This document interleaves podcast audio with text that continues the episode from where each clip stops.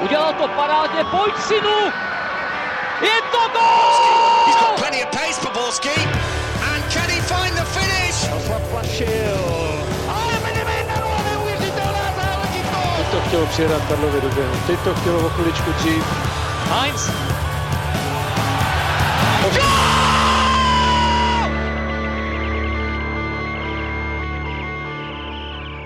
Ještě než přiveze Santu Klauze z přežení sobů, byl tu jeden los. Proběhl v Bukurešti a českým fotbalistům přinesl dva rozbalené dárečky a jedno překvapení.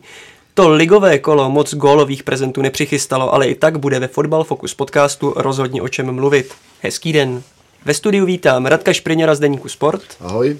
Karla Heringa z magazínu Football Club Ahoj. a tradičního glosátora Pavla Jahodu z webu Sport.cz. Ahoj. Od mikrofonu zdraví Hinek Roleček. Onen bukureštský los určil Česku jako soupeře na euru Chorvatsko, Anglii a někoho ze čtveřice Srbsko, Norsko, Izrael a Skotsko. Radku, jak jsi s tím spokojený? Jo, kluci, eh, nevím, jestli na mě to je úplně správná otázka, jo? spíš by se měli ptát Jaroslava Šilhavého, jak je, jak je spokojený s losem. E, nicméně, nicméně ta skupina e, je velmi těžká. E, z druhé strany je samozřejmě atraktivní, protože tam je Anglie a, a Chorvati mají taky super tým. Uvidíme, e, koho Češi dostanou e, z toho playoff ligy národů. Já si myslím asi to, no, asi jako nebudeme si stavit nějaký vzdušný zámky, si myslím, a, a budeme se asi prát o to třetí místo. By, byť si myslím, že třeba ten tým může být nějakým jako nastavení eh, v tom, eh, v tom černu, že, že třeba by mohl jako odehrát třeba s Chorvatskem jako dobrý zápas a třeba udělat nějaký bod nebo je porazit. Jako stát se to může, jo. je to turnaj, jeden nebo jeden zápas, takže, nebo o jeden zápas, to jsem se vyjádřil špatně, o tři zápasy ve skupině, ale, ale prostě může se v tom jednom zápase vždycky prostě něco stát a můžeme jako favorita potrápit. Jo. Nevěřím úplně moc, že bychom ve Wembley proti Anglii uh, uhráli nějaký body, to asi s tím moc počítat nemůžeme, takže jako pro nás bude důležitý ty zápasy s tím Chorvatskem a, a pak s tím čtvrtým účastníkem ty naší skupiny. No. Jako samozřejmě těžký los to je, protože je tam finalista mistrovství světa, semifinalista mistrovství světa, takže z toho pohledu eh, je to velmi, to bude velmi náročné, ale já jako když to vezmu obecně, před losem se hodně řešilo, nikdo nechce A3, nikdo nechce do Baku, nikdo nechce cesto, tak z toho pohledu třeba i pro fanoušky, i pro ten, i pro ten komfort toho týmu je to velmi dobré, že je to vlastně v rámci, v rámci uh, Británie, v rámci, v rámci ostrovů. Já jsem třeba, mě tohleto velmi vyhovuje a jinak souhlasím, souhlasím s Radkem. Ono v podstatě v finále v uvozovkách bude hned ten první zápas hmm. proti jednomu z toho zmíněného kvarteta.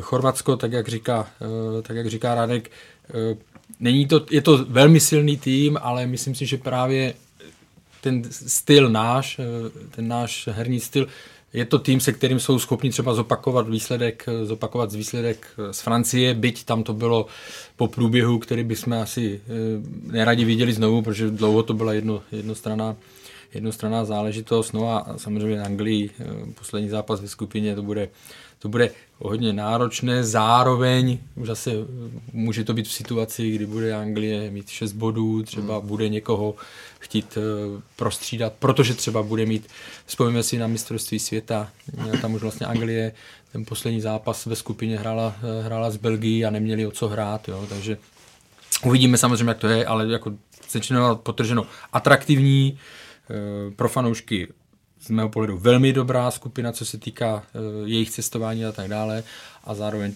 pochopitelně těžká. Ještě když, když do toho skočí, jak třeba nebude chtít být Anglie na prvním místě v té skupině. Ale no právě se dostaneme. Ano, ano. Tam navíc, jak říkala Radek, je to o jednom zápase myšleno, nehrajete s tím soupeřem dvakrát, ale jednou, plus musíme přijmout, nebo vzít potaz fakt, že je to pořád půl roku do, do toho samotného turnaje, můžou hrát faktory jako zranění, teďka si můžeme říct, Anglie má takový tým, Chorvatsko má takový tým, ale skutečná síla se uvidí až právě před tím turnajem, když se můžeme bavit o tom, který hráč je ve formě. Hmm. Naopak, že jo, teďka vidíme silnou kostru Slávě, bude za půl roku stejně dobrá, po tom, co nebude hrát v evropských pohárech. Naopak třeba Patrik Šik teďka dal gól, vypadá to, že eh, si říká v Lipsku o stabilnější pozici nebo o začíná ukazovat ty kvality, takže se můžeme bavit, že za půl roku Česká republika bude mít útočníka, který bude v naprosto skvělé formě. Takže tohle jsou takové ty faktory, o kterých teďka můžeme teoretizovat, ale faktem je, že uvidíme v plné kráse až za půl roku. Co, co je důležité, je připomenout, že vlastně postupují i třetí týmy některé, že jo. A víme z toho posledního eura, že v podstatě ten základ je vyhrát jeden zápas, mm. jo. Když se získá ten čtvrtý bod se čtyřmi body, už se víceméně je velká pravděpodobnost, že to bude stačit na, že to bude stačit na postup. To, no, to mi zase ta skupina naše celkem jako řekněme na prd, protože když se podíváš, koho máme, jak jste tady zmiňovali, finalista mistrovství světa, semifinalista mistrovství světa, a když to srovnáš s některými skupinami, které má Španělsko, kde je, myslím, Polsko, Švédsko, kde je velice pravděpodobně, plus ještě čtvrtý tým, který tuším, že nevíme, no respektive ty další skupiny většina je taková, tak nastavená, že se nabízí, že se ty týmy bude to hodně vyrovnaný. Tam mi přijde, že i ono to třetí místo eh, v tomhle směru ano, je to vypadá to strašně jednoduše, ale z mých očích ta naše skupina v tomhle směru úplně není jako takzvaně easy breezy na to i dosáhnout, když to porovnám s kondit nebo se situací v jiných skupinách. Mm. Že čekám, že, ale jak říkáš, no, v podstatě, nebo jak jsi to říkal, ty Radku, klíčový zápas je ten první, tam jak pokud to nevíde, tak si myslím, že už nechci říct, že je konec, ale bude se to horko těžko napravovat. No jednoznačně ten první zápas prostě ten bude i o takové atmosféře toho týmu, jako já si nedovedu představit, nebo nedovedu představit, dovedu si to samozřejmě představit, ale, ale prohrát první zápas, hmm. tak prostě pro nás to mistrovství de facto končí, jo. to jako nevím, co by se muselo stát, aby, aby eh, my jsme vlastně prohráli první utkání a měli před sebou ještě Chorvatsko a Anglii, jo. takže i pro tu prostě zvládnout to první utkání, vyhrát ho, udělat si prostě pohodu, náladu v tom ústvu a, a prostě jít po, po těch favoritech. No. To jako...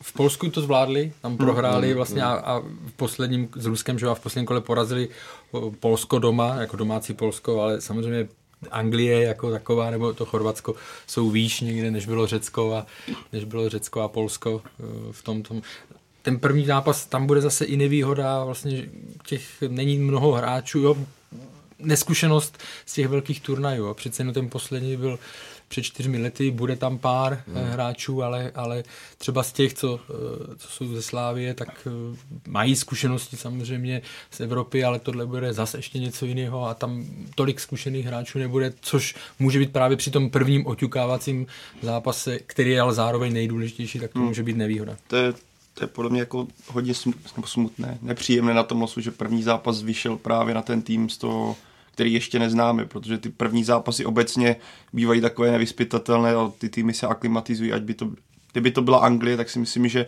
bychom měli možná největší šanci. Ono, když si to řekne, teda když si vzpomeneme na kvalifikaci, kde ten první zápas ne, úplně nedopadl, tak eh, to vypadá možná ne úplně reálně, ale naopak si myslím, že na tom velkém turnaji ty první zápasy často nabízí nějaké překvapení nebo remízy, že ty týmy... Protože máš na ně nejvíc času tak, se připravit. Tak, ty se vlastně dva měsíce nebo celé to soustřední si připravuješ hlavně na ten eh, na ten první zápas po taktické stránce. Takže podle vás, abych to schrnul, eh, je to spíše horší, horší varianta, eh, lepší by bylo začínat tou Anglií. Připomínám, že třeba Máme rozdílné zkušenosti z minula. 2004 začínalo se s Lotyšskem, těsně se teda vyhrálo. Hmm. Naopak 2006 eh, začínalo se se Spojenými státy, vlastně tam se sice vyhrálo, ale potom ten rozhodující s nejsilnějším a do 2016 bylo zase Španělsko, no, že? Ano. Pro, pro změnu. Takže ano, ty zkušenosti jsou ty zkušenosti jsou jako střídavé, záleží právě jaký tým e, tam zrovna v tu chvíli je, 2004 byl zkušený tým, že jo, tam eh, jsme byli jasní, jasní favorité, takže opravdu záleží na tom, jak se ty věci sejdou.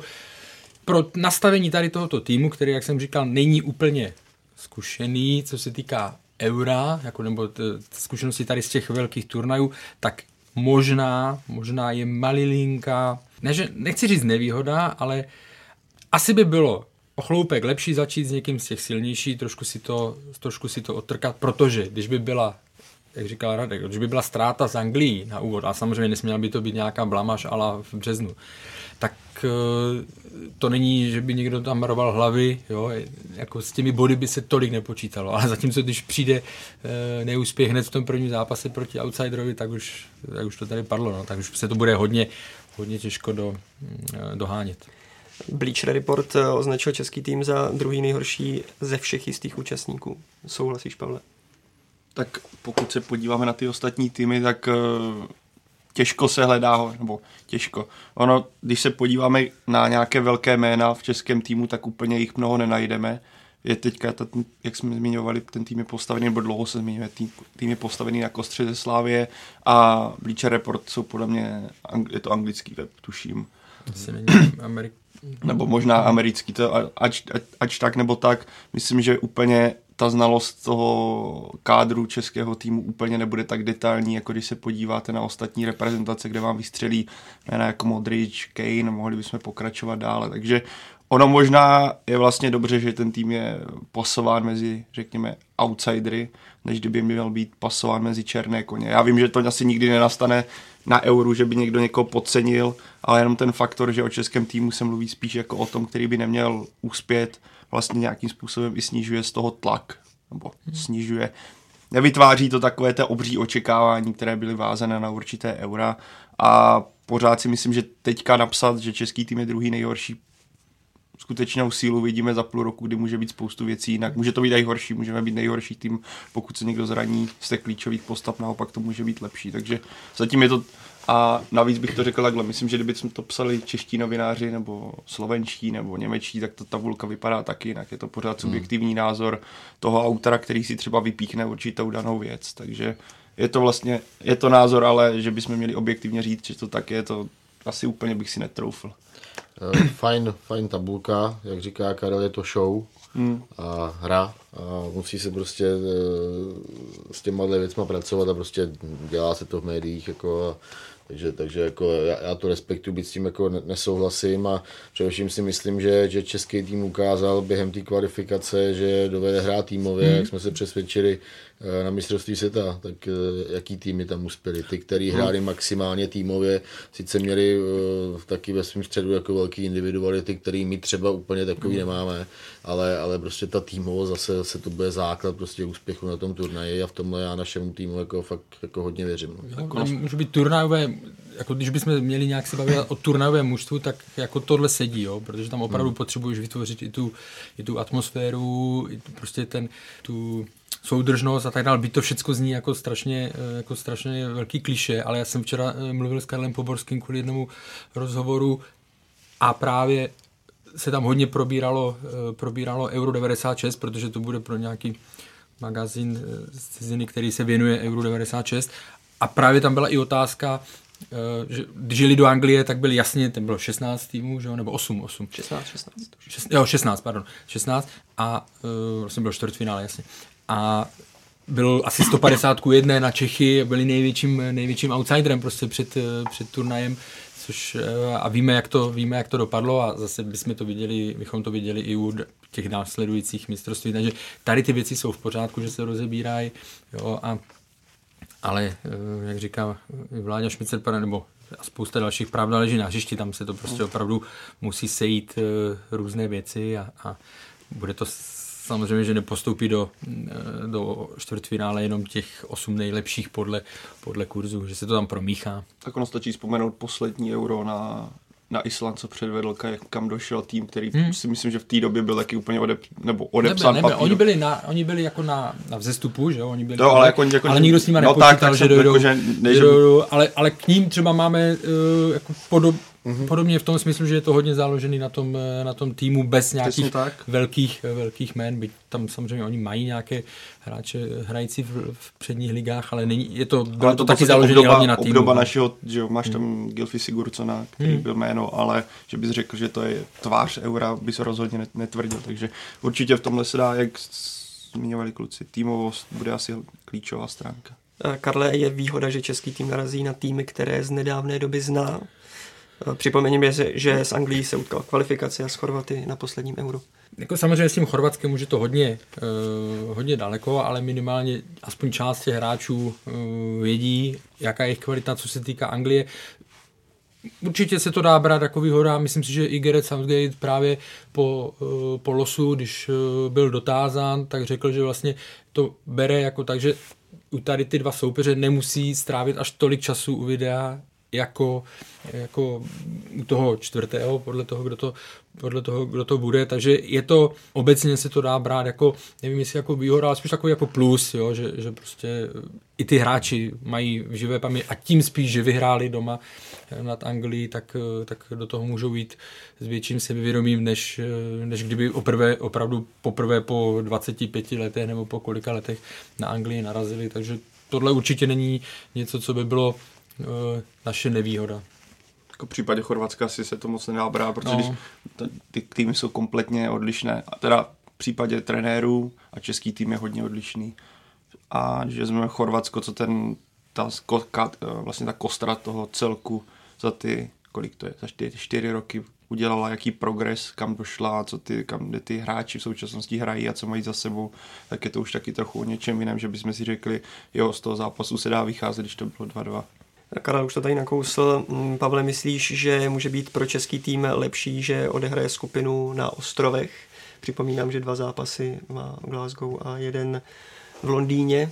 Já si myslím, že primárně, jako je to určitě lepší než to, co hrozilo, kdy tam hrozilo Řím, Baku, Řím, nebo jak to bylo, nebo obrovské cestování po Evropě, ať už uh, z té jako pohodlnosti celé té, toho národního týmu, tak i z pohledu fanoušků. Přece jenom uh, tuším, že když jsme se bavili po zápase Slávě s Interem Milan s Petrem Šedivým, tak říkal, že reprezentace rozloží tábor tam, kde bude hraje dva zápasy, což by mělo být poblíž asi Glasgow v tomto případě. A to, že hrajete první dva zápasy v Glasgow, jestli se nepletu, a až na třetí letíte do Wembley, je v podstatě asi ideální scénář, který mohl... Krátké Přesně tak. Ideální scénář, který mohl nastat. Jo, hmm. asi, hmm. asi v podstatě, když se na to podíváme, na ty možné scénáře, které mohly nastat, tak tenhle je vůbec asi ten nejpříznivější, co se týče cestování a co se týče, bych řekl bych, i prostředí. Pokud by ještě dokonce postoupilo Skotsko, tak to bude obrovský zážitek, ať už pro hráče, protože první zápas Hetton Parku proti domácím, třetí zápas ve Wembley proti domácím a obě ty města by tím obrovsky žila. Si myslím, že tohle... Celkově by tím ostrovy tím žili, protože Anglie, Skotsko, prostě to je tak to je byl, obrovská rivalita, že to by bylo úplně Já si myslím, že tohle by byl dokonalý. scénář, i kdyby pro a my jako teďka neřešíme ani týmovou věc, ale pro fanoušky by to muselo být úplný terno a stálo by to asi za každou korunu ten zápas vidět. Ale abych se vrátil úplně k tomu, co jsem říkal, co se týče cestování. A myslím, mají zázemí a celkově prostředí je to vlastně asi nejlepší skupina, pokud to bereme jenom tahle, v tomhle směru. Si další připomínka Euro 96, tam tuším byli taky skotové angličané v jedné skupině. Ano, ano. Slavná, slavná gólová oslava Gazy. Eh, Radku, je podle tebe spravedlivé, že Anglie všechny zápasy odehraje doma na dobře známém stadionu ve Wembley? Eh, je pravda, že tohle se týká tedy nejenom Anglie, ale i některých dalších účastníků Eura. No, přiznám se, že osobně s tím mám trošku problém, no. že kdyby to bylo 2 plus 1, tak, eh, tak by mě to přišlo uh, spravedlivější, no. Uh, prostě já nevím, kolik šest týmů odehraje, odehraje uh, tři zápasy eh, v domácím prostředí, no jako není, není to úplně košer vůči těm jako ostatním, ostatním ústvům. Jak říkám, no, mohlo to být, mohl ten systém mohl být vymyšlený, vymyšlený trošku jinak. A, ale prostě tak to je, no, jako nemá se, jako nemá se v tuhle chvíli jako cenu tím nějak jako zabývat a, a, říkat si, jako, že, že ten systém tu jde proti nám, prostě musíme, musíme prostě eh, mít před Anglií takový počet bodů, aby, eh, aby jsme měli naději postoupit ze skupiny, nebo aby jsme třeba už postupovali tu chvíli z té skupiny a nezabývat se těma věcma. No. Každopádně to, každopádně on ten že systém té kvalifikace prostě byl hrozně jako složitý, ten samotný los, já myslím, že taky se o tom ještě budeme bavit. Hmm. My, když jsme to třeba dali dohromady, jak jsme to třeba konzultovali s UFO nebo s Jardou Kolářem na Faču, který má tyhle věci hrozně v malíku a, a takže bylo to složitý, no a já se hlavně těším, ať už ten turnaj začne a hraje se fotbal. já jsem myslel, řekl, že, že se těší, až skončí. Ale... ne, já se těším. těším jo. No. Ne, tak to, když to nakopl ten los, jak se člověk vždycky těšil na ten akt toho losu, jak to tam budou tahat, tak najednou to bylo vlastně naprosto... Teď pomalu by měl tušku gumu a furt no, to tam jako... jako vlastně mi to přišlo naprosto no. strašný, že takový to, na co se stěšil, tak teďka to bylo jen takový, a jo, tak vy jste jasní, že jdete tam, vy jste jasní, že jdete tam, mm, mm. takže spíš čekal na to vůbec, který tým bude někam zařazený. Vznikl z toho samozřejmě skupina F, která bude jako velký, velká pecka. A na co Myslíš se... Německo, Německo Portugalsko? A hrozí tam ještě, tuším, někdo z té jedničky dokonce, jestli kdyby se Rumunsko vlastně vyhrálo ten postup, tak se posune do jiné skupiny, myslím do C a do F zajede někdo jiný, nebo naopak. No to je jedno, každopádně to, na co jsem se vždycky těšil před tím eurem, jak zmiňuješ, kromě fotbalu, tak na ten los, jak, tak pro mě to bylo úplně propad dolů, nechci říct dehonestace, ale vlastně zklamání celý tenhle formát a to, že nezdáte soupeře dobře zdá, taky není nic moc, kdy hmm. by, podle mě v téhle době by trenér zatím měl začít jako i přípravu na, na, na základě soupeřů třeba připravovat nebo upravovat a poctivě pracovat na to, jaké soupeře hráče můžete sledovat detailně z kádru soupeřů a místo toho budete čekat na to, až se v březnu to vyloupne. A je to celé takové...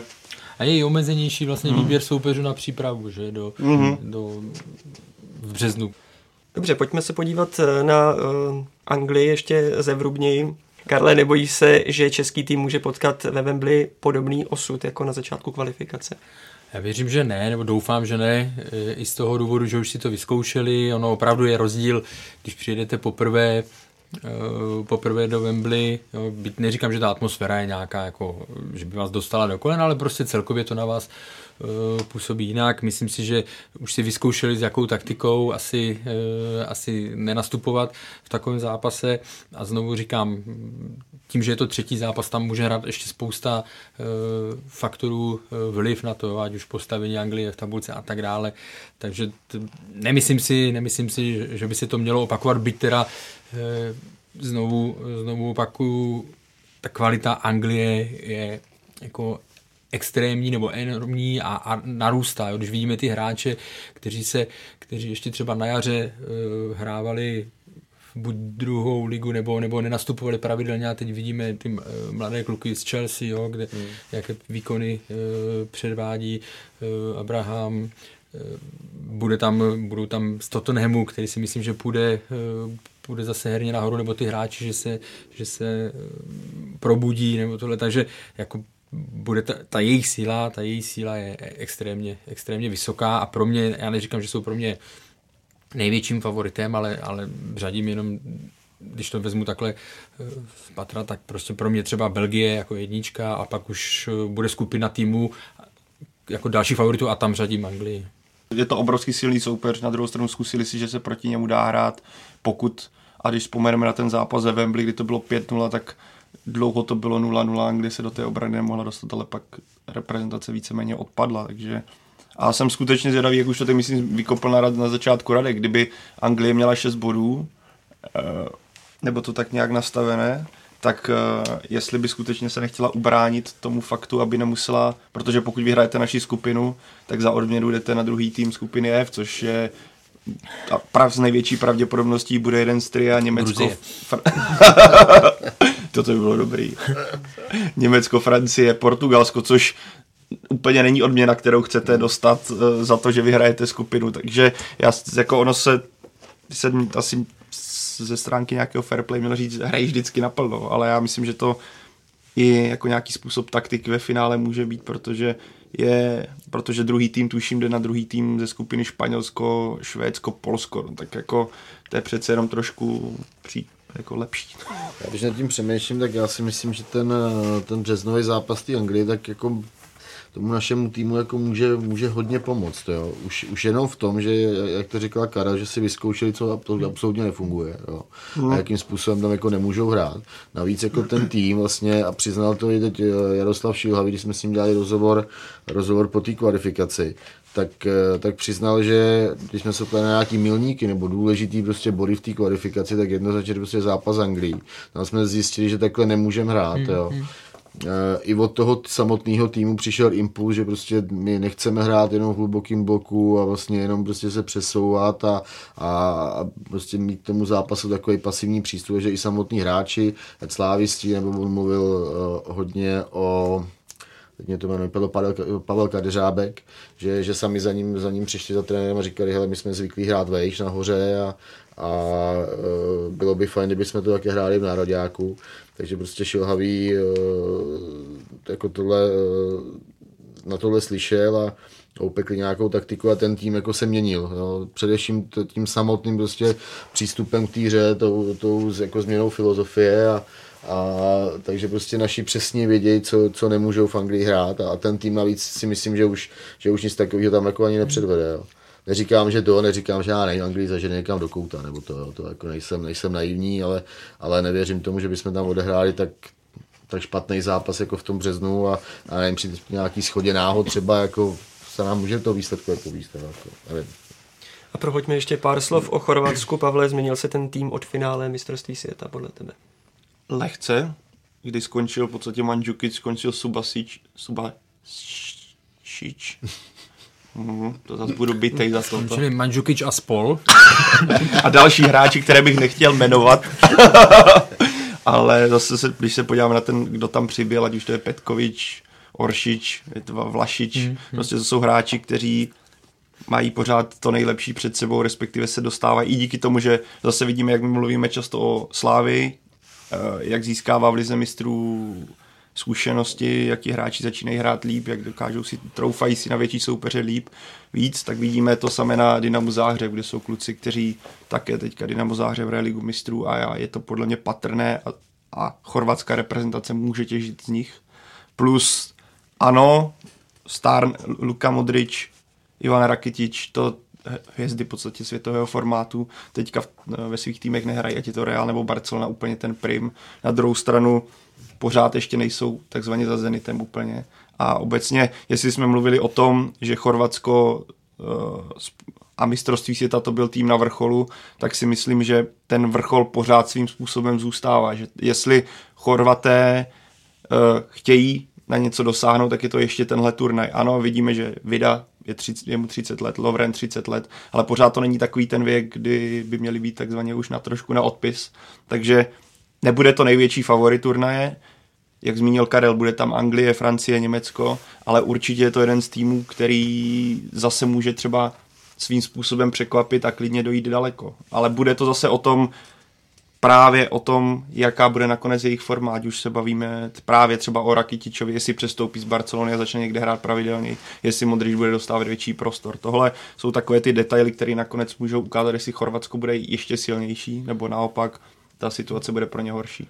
Jako určitě se proměnil, mimo jiné, vlastně když teď hráli ten zápas se Slovenskem, tak byli eh, v sestavě jenom čtyři z těch, co hráli finále, jo? takže mm. proměna tam nějaká je a to rozpoložení aktuální, co se týká těch, jako když se budeme bavit, jestli uh, jsou na vrcholu byli 2-18 nebo jestli ho tam ještě se udrží. Já si myslím, že je složité pro ně se tam úplně udržet na tom vrcholu, i proto, že eh, Rakitič vlastně vypadl eh, v reprezentaci, že začal, protože dlouho ho držel trenér, ale pak vlastně, když to pokračovalo, že nehraje v Barceloně, tak tak eh, což to místo, nebo ta jeho pozice se změnila. Jo. Modrič na druhou stranu, i když nehraje v Reálu, tak je to přesně ten typ, který když pak jako ala Gareth Bale jo, přijede do, do reprezentace, na, na sraz přijede a prostě za, za ten národní tým hraje na 100% se vším. Jo, a, ale pořád, Patrik, Patrik Šik. Ale Patrik Šik. Ale jo, takže jako budou, budou, pořád mají výborní hráče, výborný individuality, výborný, výborný kádr, ale z mého pohledu v tuto chvíli, v tuto chvíli všechno může být eh, jinak za, hmm. za těch pět eh, měsíců. V tuto chvíli si nemyslím, že by byli na, na stejné úrovni, jako, jako tomu bylo před, před dvěma lety. Tam asi, jako pokud někde hledat slabinu, jak je to defenziva. Jako do ofenzivy je z Chorvatsko strašně silné, ale uh, co se týče defenzivy, tak ti kluci jsou starší, plus mají problémy, jako co se týče krajních obránců, kde se poda- nedaří úplně vršálku, mám dlouhodobě nějaké zdravotní problémy. Hrává tam Jedovaj, který není úplně primárně krajní back, jestli se nepletu, bývá spíš jako definován jako stoper.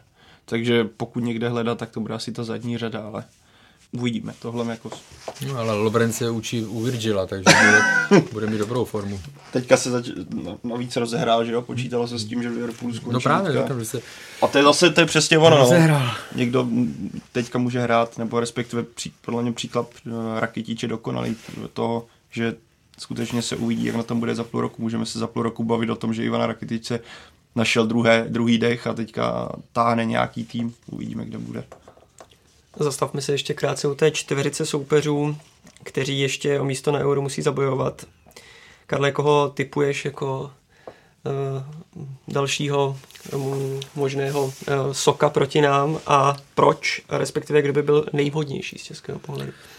Jako je, je složité určit eh, nej, nejvhodnější, protože nebudu jako tady lhát, že bych Izrael viděl často hrát, nebo, nebo tohle. Ale jenom když jsem projížděl... Když to řekl, tak mě celkem překvapil, ale... No, tak znám toho Hemet, že jo, a... Benheima. No, Kajal, a tohle hráli kluci v Brightonu. Ale, ale jako když jsem se projížděl ty výsledky ještě těch jednotlivých skupin, tak bych jako na základě nějakých tady těch eh, poznatků spíš favorizoval někoho z té dvojice Norsko-Srbsko, jo, protože oba dva hráli v těžkých eh, v těžkých skupinách. Já Skotům, eh, byť mám ostrovní týmy rád, já Skotům obecně nevěřím, protože tam hm, ta kvalita prostě pokulhává, byť jako skupina opravdu Anglie, Chorvatsko, Česko, Skotsko, to by bylo, to by bylo až, až z, jako pohledu, z pohledu srdce, jako, no. já bych si to taky moc přál, no. ale, ale protože by to bylo fakt super. Mm. Ale když se na to dívám čistě pragmaticky, tak, tak bych taky asi prostě v té skupině asi nejradši viděl i takový Izrael. Jo. A myslím si, že to je i takový jako tým trošku lehtivej, Eh, a že, že jako ten zrovna ten eh, náš způsob, eh, způsob fotbalu, že by jim zrovna nemusel sedět, tak to je ten prostě otravný, agresivní, náročný, co v poslední době reprezentace hraje nebo se aspoň snaží, snaží praktikovat a, a já bych teda v Norsko, já jsem někde slyšel, hm, já nevím, se Vláďa Derida, myslím, že říkal, že by jako Norové se mu líbili. Eh, ale teď, teď nechci, ale ně, někdo z reprezentace eh, to říkal, no já, já třeba Norsko bych jako vůbec nechtěl, no, protože to je taky takový nepříjemný soupeř, který prostě to obrovský houžev na té, který, který nic nevypustí Srbové, má jako velkou kvalitu prostě v těch individualitách a, a takže pro mě taky, no, Izrael, ale přál bych si Skotsko. ta, ta naše skupina potenciálně nabízí dvě takové, řekněme, derby. Buď, ať, buď derby, anebo Balkán, tak, no. ostrovní, anebo balkánské. Hmm. Takže z tohle pohledu by to bylo, kdyby ať jeden z těchto dvou týmů postoupil, tak by to zase trošku přidalo šťávy do té jako naší skupiny, která už je tak dostatečně šťavnatá teda. Pavle, teď mi to schreň a podtrhni, prosím, eh, postoupíme z té skupiny z kolika body a na kterém místě. tak to si počká. Právě všichni otevírají ty sáskovky a už to tam rubou. Uh, postoupíme z třetího místa se čtyřma bodama První zápas výhra, druhý bude remíza s Anglií, 2-1 prohrajeme golem v 87. minutě. Ale... To je to nejočekávanější, co si mohl říct. Mohl jsem říct 88. Bez minutu. invence. tak Karle, tak řekni nějaký... Já čtyři body, přesně jak to říká Pavel. Mě, jako když jsem nad tím cestou přemýšlel, tak jako pokud nepůjdeme do nějakých jako, zase vyžral, fantasmagorických těch, tak je to samozřejmě ten nej, řekněme, nejpřirozenější scénář, no, nebo pokud bych měl být po ránu pesimisticky, tak podle mě budeme mít bod a pojedeme domů, no. Ale já jsem dneska optimista, takže a realista. A navíc ještě to můžeš 17krát změnit. Ta, eh, tomu, no nevím, jestli tolikrát. Měsíců. No tak uvidíme. Až se o tom budeme bavit před eurem, co, co z nás vypadne. Radko, ne, Radek přemýšlí, já, já, vidím, já to vidím na 6 bodů a postup z druhého místa. Mm. To znamená vysněný scénář. Tohle, tohle si to vystříhnu. A jízda, jízda do semifinále. Oj, oj, oj.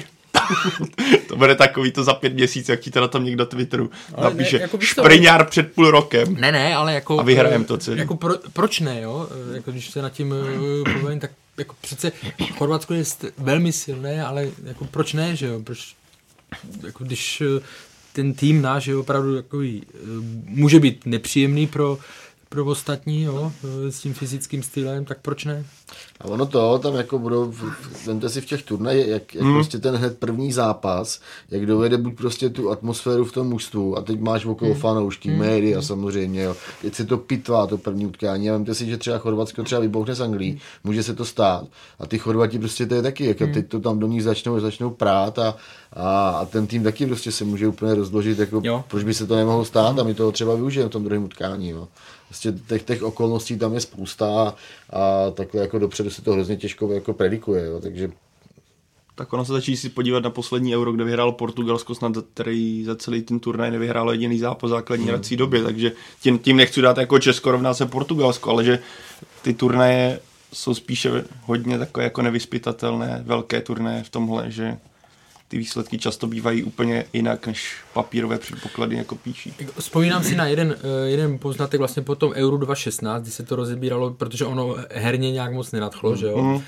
a přisuzovalo se to právě hodně té, tomu postupovému klíči, že vlastně bylo jasné, v těch prvních zápasech hlavně neprohrát. Mm-hmm. Jo? A, jo, to znamená, nebylo to tak otevřené, protože hlavně bylo neprohrát, protože se to dá dohnat, teď neříkám proti Anglii v našem případě, co bude, ale že se to dá dohnat v tom posledním zápase, takže klidně jako remíza, remíza a pak eh, to zkusit vyhrát. Jo, nebo tím chci říct, že prostě obecně ty začátky, ten začátek ve Francii byl obecně opatrnější, než tomu bývalo v minulosti tam si myslím, že i postupoval jsem se třeba remízou, ne? No, no z té skupiny, kde bylo Portugalsko, Maďaři, že jo, tam byli v té skupině. Hmm. No je na co se těšit, no. Myslím, že to... Na remízi. No, no. a na VAR. Podívejme se ale i na další skupiny, Radku, na kterou se nejvíc těšíš. A je nějaká v tvých očích nezajímavá. No, tak eh, samozřejmě se těším, těším na to F, to je jako super super skupina, to by mohly být opravdu, opravdu krásné zápasy silných týmů a, a navíc si myslím týmu, který, který udávají uh, současný uh, trend uh, světového fotbalu. A já, já třeba konkrétně jsem strašně zvědavý na Německo, co, uh, co převede, protože ten tým taky že prošel velkým, velkým přerodem a, a potom prostě výbuchu na mistrovství světa, tak tak budou mít eh, obrovskou motivaci eh, ukázat, že, že fotbal umějí a, a i to, i se, já teda, co jsem třeba viděl v těch kvalifikacích, eh, neříkám, že jsem viděl všechny zápasy Německa, ale, ale něco jsem zlídnul a, a jako ně, ně, Němci vypadají fakt nechutně, no. Rychlí, přesně prostě vědí, jakým způsobem se na hřišti chovat a, a mají jednoznačný prostě herní plán a, a je znát, že to, že Eh, že prostě tu motivaci a takovou tu chuť prostě, že, že to z nich úplně jako vyzařuje, jo. takže třeba pro mě je to, pro mě Německo takový asi největší favorit toho turnaje. Mohla říct cokoliv asi kromě FK a to, co říkal Karel, Karel Radek, by asi nebylo úplně objektivně správné, protože to je skupina, na kterou... Ale tak jako i ta naše je krásná, no. no máš tam, Pavel, nějakou skupinu ještě nějakou, jako, na kterou se speciálně těšíš? Kromě té... Asi úplně, jako ne. Mám, na, na naší se těším a na F se těším. A pak, jak říkal Radek, na celý euro se těším. Ale jinak tam jako žádná skupina, že bych si říkal na první dobrou, jo, tak to bude paráda. Ono se vlastně může stát, že ty třeba ne tak zvučné skupiny, kde já nevím, třeba Rusko, Belgie, bude. no, budou ve finále nejzajímavější a budou nabízet nejlepší fotbal, takže No to, ono, já třeba když je takhle velký turné, tak já se prostě těším jako na, na, na všechny ty zápasy. Baví prostě sledovat, sledovat do první do posledního zápasu a, a ani si tak jako nevybírám, uh, jaká třeba skupina se mně líbí, protože kolikrát to třeba dopadne jako, mm. jako zklamáním, že fakt ty fotbaly mm. nejsou, nejsou úplně dobrý a zase, zase tam jsou týmy, které třeba hrajou atraktivně a, a dívá se na ně mnohem líp, takže já, já se jako na ty zápasy všechny těším. Uvidíme, kolik toho, kolik toho, kolik toho zhlédneme. Eh, protože asi budeme přímo, eh, přímo v dějišti, no ale třeba tam zase strávíme nějaký hezký večer jako na mistrovství světa, Karle. Ano, ano, ale jako samozřejmě ve vší počestnosti, jo, to, aby to tak nevypadalo, protože druhý den si chodil do práce. No, ale je fakt, že obecně, když to jenom odbočím, tak jako, když už je člověk na tom turnaji, je to super, ale tolik těch zápasů neodkouká, protože ty odpolední vlastně člověk ještě píše, mm, že jo, mm. pak akorát eh, přijde, stihne možná ten od ten pozdní, od 8, od, spíš to bude od 9, devíti, jaké jsou přesně výkopy? Od, devíti, od devíti, no. no. Tak eh, to bude, eh, to se tak člověk akorát nají, Žibírka jsme měli výborný v Českém domě. No. Ale tam, tam to bylo super, jenom víc, eh, abych to teda uvedl na pravou míru, protože většinou v té Moskvě, kde jsme byli, nebo Karel pak teda byl i v Petrohradě, viď, tak většinou krásná cesta vlakem no, vypravoval. Jo, jo, a, a to a většinou ty, ty zápasy v Moskvě se hrály ve odpoledním čase a my jsme vlastně vždycky stíhali ty večerní zápasy mm-hmm. v mhm. Českém domě a bylo to super, jsme tam seděli s partou novinářů a a byly to fakt, to, fakt eh, krásný večery no, u fotbalu. A... Poetické. Mluvili jsme tu o losu, mluvili jsme tu částečně o tom formátu Euro 2020. Odehrává se po celé Evropě, dokonce v jednom azijském městě. A právě u toho se chci zastavit. Radku, má Baku vůbec být mezi pořádajícími městy podle tebe? No, tak je to, je, je to rozprůplný. Takhle, mě by třeba jako, eh, každý že z toho měl strach z toho cestování a kdyby skončil na té pozici A3, tak prostě je, je, je to malé, protože, protože ta, ta logistika je úplně šílená v tu chvíli. Um, tam je to, tam je, že tam samozřejmě jako hrozně špatná doprava, by se tam cestuje, je, je, je to daleko, navíc Azerbajdžán na mistrovství Evropy nebude, což je, což je další mínus, takže já vůbec jako nevím, jakým způsobem to, jakým způsobem uh, se tam jako naplní ten stadion. To je, já jsem tam byl s reprezentací a je to obrovský kolos, teda krásný stadion, jako, to jako všechna čest, ale, ale já tuším, že to je snad pro 70 tisíc lidí, prostě obrovský, obrovský chrám a vůbec jako nechápu, jak, Eh, kolik tam jako může přijít lidí no, na, na, ty, na ty zápasy. Jinak eh, jako co se týče Baku, každý se jako křižoval, mně, mně se to tam jako líbilo. Ne, to není vůbec to bylo o, fajn, jako, jako pěkný město. Že by to bylo hrozný, nebo takhle, já jsem tam byl teda takhle před 19 eh, lety, mm, ale mm. předpokládám, že se to tam výrazně změnilo díky, díky bohatství. Mm, mm. Ale euro obecně jedna, maximálně dvě země. Já to furt beru z toho pohledu, že je to hlavní událost jako pro fanoušky, jo? Pro, že to je pro lidi.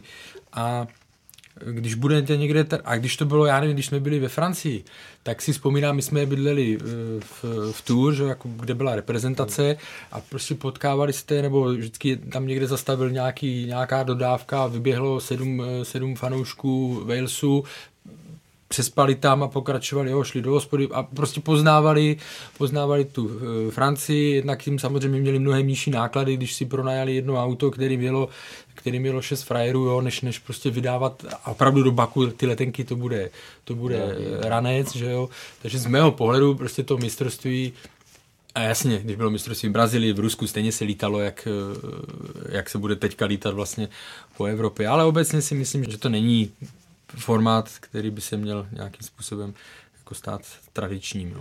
Je to je taková, taková ta škoda, takový i ty jako ty potkávání nebo setkávání těch fanoušků na tom jednom místě, jo, Jednak když, když jasně hraje se jako ve více městech, ale, nebo vždycky se že hrálo, ale, ale eh, když si zase vzpomenu na to mistrovství se tam v hmm. Moskvě, tak jako co se tam dělo na těch ulicích a jak se tam prostě prolínali jako různé kultury a, a, jako bylo to úžasné, no, že to si myslím jako, že že to euro v tomhle trochu, trochu jako ztratí takový to svoje kouzlo. No. Hmm.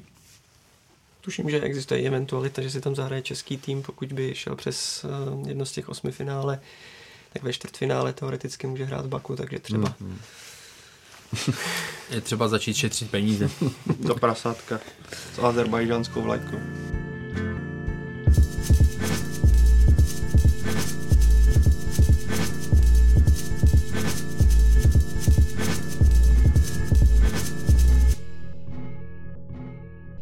Teď už pojďme ke slibované lize, přesněji k hlavnímu tématu, který se k ní v poslední době vztahuje, a to je situace Pavla Vrby.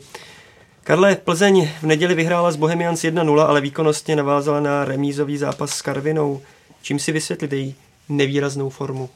Když to, když to vezmu eh, jako ze široká, bavíme se v průběhu celého jara, eh, podzimu, o tom, jestli jak má Slávia nabitý program a jak, jak tohle. Ale někdy je to vlastně pozitivní, protože ten tým jede v takovém zápřehu a ty zápasy jsou tam pořád a máte pořád uh, tu herní praxi a tady to čekání, neříkám, že, jsou, že to je hlavní důvod, že jsou, jako, nejsou v tempu a tak dále, ale je to, je to tak jako, na mě to tak působí, že vlastně nejsou schopni se dostat na ten, na, zařadit na ten větší rychlostní, na ten větší rychlostní uh, stupeň, na to, co by byli zvyklí, kdyby hráli furt v těch pohárech, tak by si i tu náročnost přenášeli do těch domácích zápasů, jo. A jinak jako samozřejmě ta defenziva je relativně tam ta funguje, ale směrem dopředu je to, je to problém. Zmiňoval to trenér Vrba po, po zápase. Prostě Tomáš Hořava ať je to jak chce, tak už ta, eh, ten progres je tam eh, nulový, on stagnuje. Eh, ale Čermák se vrací po zranění, taky bude potřebovat čas, byť vlastně podzim už končí. Jo, takže ten střed, ta, ta ofenzivní pozice to, nebo toho záložníka, kterého zase to budeme xkrát opakovat, Daniel Kolář, která byla důležitá pro Plzeň, tak ta tam teď nefunguje. Jo, hraješ, dobře hraje Lukáš Kalva, ale to je na nižší. David Limberský vypadl, ale to není omluva jako pro ty výkony, jo. ale je to, je to mozaika a je, je, je pravda, že je to opravdu teďka se na tu jejich hru hmm.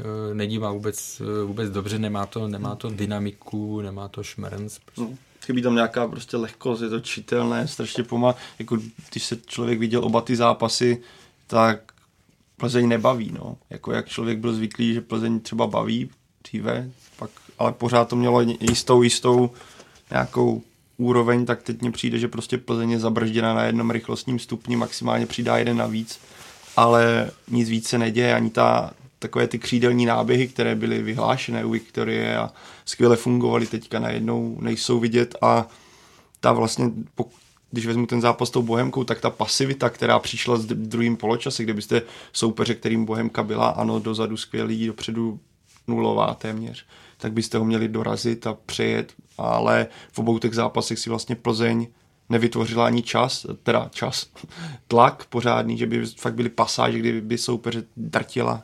A mně přijde, jak kdyby ten tým neměl pořád, pořádnou ani jako radost té hry a obecně radost fotbalu, jak kdyby, nevím, nebyl psychika tam nějakým způsobem pracovala v negativním slova smyslu.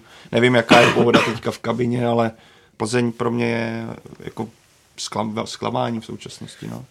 Uh, Plzeň vlastně během toho podzimu tak, tak jde na takových jako vlnách. Jo. První vlna byla, že, uh, že uh, vypadli z evropských pohárů a v klubu velký halo z toho problémy, hrozilo odvolání, odvolání Pavla Vrby. To bylo na konci srpna a ten tým najednou prostě jsem z něj cítil z ničeho nic jako takovou šťávu. Ono se už tenkrát že se hodně mluvilo o Slávě, jak hraje super fotbal a, a mně přišlo, že takový ty, ty, ty staří bardi, tak hubní, nebo hubník vlastně byl zraněný, ale Limberský, Řezník a, a, a tyhle typy těch hráčů, a Kopic, Kovařík, takže prostě získali takovou, a i z toho celého klubu jsem to tak jako cítil, že prostě získali fakt jako chuť tu slávy honit a, a říct, hele, nebo ukázat, my jsme tady taky a podívejte, my, my zvládneme prostě slávy nahánět, jo, jak, jako jediný tým Lize.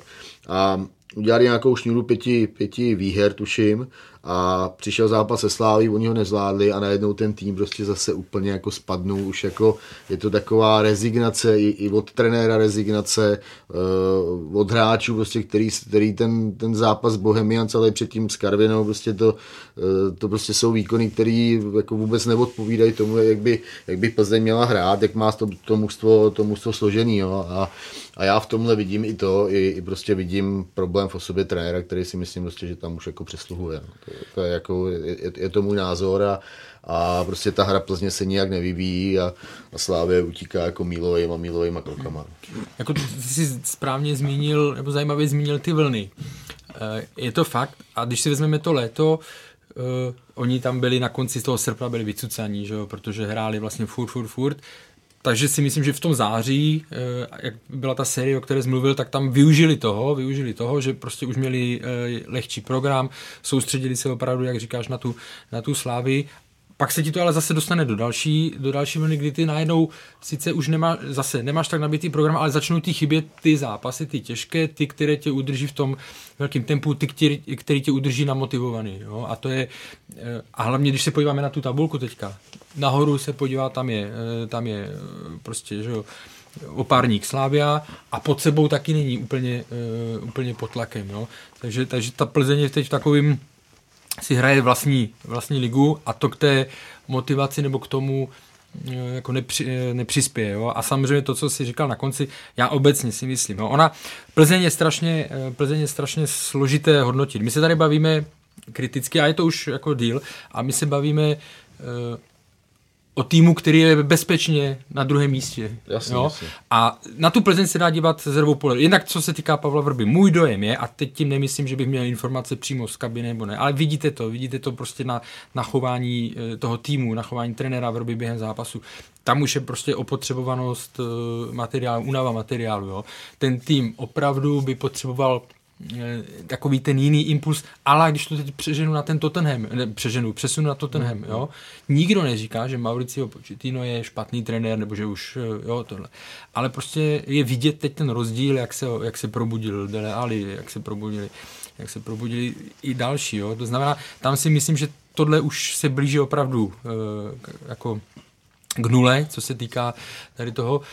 Na druhou stranu, na druhou stranu, mm, jako když se opravdu, ta Plzeň se teď hodnotí tak, jak se hodnotí Sparta a Slavia, což je, její, eh, což je plus pro ní, protože se už nebere jako nějaký tým někde, někde z regionu, ale když si vezmeme obecně pa, eh, Pavla Vrbu, byť se k tomu asi ještě eh, dostaneme, tak já když jsem, jsem měl, tak jsem si to počítal. Od prvního titulu, jo, tak je to trenér, který má první místo, pak bylo třetí místo, ale 5 cm od titulu, že jo, hmm. protože tam byla tyč. První místo předával to, myslím, Dušanu Uhrinovi na druhém, teď si nejsem jistý, pak se vrátil první místo, druhý místo a teď je bezpečně na druhém místě. Jo. A ten kádr se už samozřejmě nějak proměňuje, takže z tohoto pohledu na to by se nemělo zapomínat, že že prostě ty výsledky, které on tam dlouhodobě v té Plzni má, tak jsou v podstatě jako unikátní. Museli bychom hodně hledat trenéra, který má, který má tady tyhle výsledky ve, své, ve svých ligových eh, klubech. Jako Pavel Vrba, jemu za, jako s ním se pojí obrovský kredit, proč vlastně Plzně tam, kde je, o tom jako není vůbec potřeba diskutovat. A, ale Radek před podcastem, když jsme spolu mluvili, tak říkal dobrou věc, že Pavel Vrba v létě říkal, tahle Plzeň je vlastně vůbec ta nejsilnější, kterou jsem kdy měl a byl v tomhle směru hodně pozitivní. A teďka vidíme Pavla Vrbu eh, na přelomu listopadu a prosince a najednou slyšíme na tiskové konferenci o tom, jak si ten tým musí sednout, že tam chybí lídr a to chování, respektive ta mimika, gesta, jako celý, celý jak, jak tady zmiňoval Karel, pro mě to úplně takový jako, jestli to je vlna, jestli přicházely vlny, tak tohle takové jako spíš pro mě sjíždění nějaké vlny pořád dolů a dolů, kdy ať už to je celkově chování, tak eh, jako i trenéři jako Ferguson, spíš teda Wenger taky měli za sebou fantastické období a pak to prostě došlo do bodu, kdy už skutečně asi nebylo kudy a potřeboval ten tým nakopnout. A ona je asi otázka v současnosti, jestli ne, jestli uh, Pavel Vrba skončí nebo ne, tím, že má do konce sezóny smlouvu, ale spíš kdy. Uh, protože nevěřím tomu, že by Viktorka s ním prodlužovala smlouvu. Takže a jak jste zmiňoval, Karle, ten tým je teďka v nějakém váku, polštář na, směrem dozadu, ztráta směrem dopředu a v tomhle směru si myslím, že je možná ideální čas v tomhle směru sáhnout do toho a udělat tu radikální změnu, protože Viktoria není pod nějakým extrémním tlakem na to, aby okamžitě musela mít výsledky. Tak trenér Vrba si po utkání s Klokany stěžoval na tlak médií, fanoušků a vedení, tak eh, Pavle s tím by souhlasil. Tak ono to asi jenom vypovídá o té pohodě a asi by se to dalo připojit k tomu, co tady zmiňoval především Karel, že ta, jako, ta pohoda v jeho staré, jako v případě jeho osoby není, že najednou cítí mnohem nedůvěru, ať už to je ze strany vedení, ať už je to třeba ze strany médií, což dlouhodobě myslím, že Radek by mohl vyprávět, respektive by mohl napsat možná i knížku o tom, takzvané tiskovky s Pavlem Vrbou. Takže už mě to přijde takové jako, že taková jako, nechci říct, aby to znělo pejorativně, taková jako ublíženost, že všechno si bere Pavel Vrba strašně osobně. V mých očích já jsem měl vždycky jako trenéra strašně rád, takže já si myslím, že jemu by skutečně prospělo, kdyby si dal třeba půl roku pauzu a pak našel nějakou novou výzvu. Já vůbec jako nechápu, na co si Pavel Vrba stěžuje, jako jaký, jak, jaký tlak jako médií.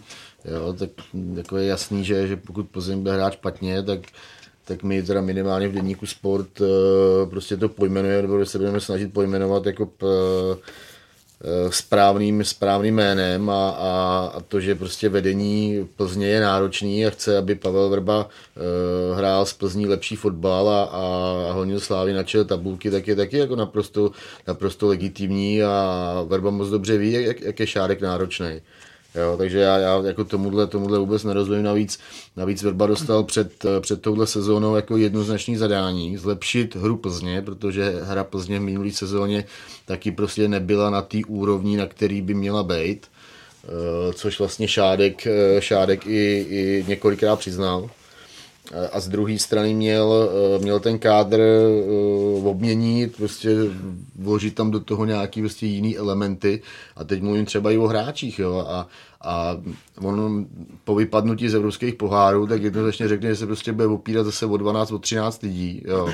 A, a vlastně vůbec neplní to zadání, zadání toho, toho vedení, jo, protože jasně, on jak, jak jsi to říkal ty, on mluvil o tom, že má nej, nejlepší, nejsilnější kádr. Tenkrát na té tiskové konferenci to bylo na Olympiakusi Pireus, tam, tam seděl jak Šádek, tak majitel Pactík přímo v tom tiskovém centru. A najednou to, a najednou, a on dostane Janoška, dostane Herce, dostane, dostane Mihálika, všechny hráče, který chtěl. A, a Herc se ještě neobjevil ani jednou, ani jednou základní sestavě, nebo byl vlastně vůbec na hřišti, ten nemá odehranou ani minutu. A, a třeba případ, případ Janošek a případ Mihálik. Jo. Tak Janošek, ten se, já jsem to včera počítal, a Janošek se objevil od půlky září asi ve 180 minutách. Mihálik to samý. Jo, prostě absolutně jako mladý kluci, kterým je 21, 22 let, tak jsou absolutně nevytížený. Prostě Vrba jim jako nevěří, úplně prostě ztratil jako jejich důvěru. A vemte si, že třeba když Plzeň hrála ve Zlíně, tak Vrba střídal jednou.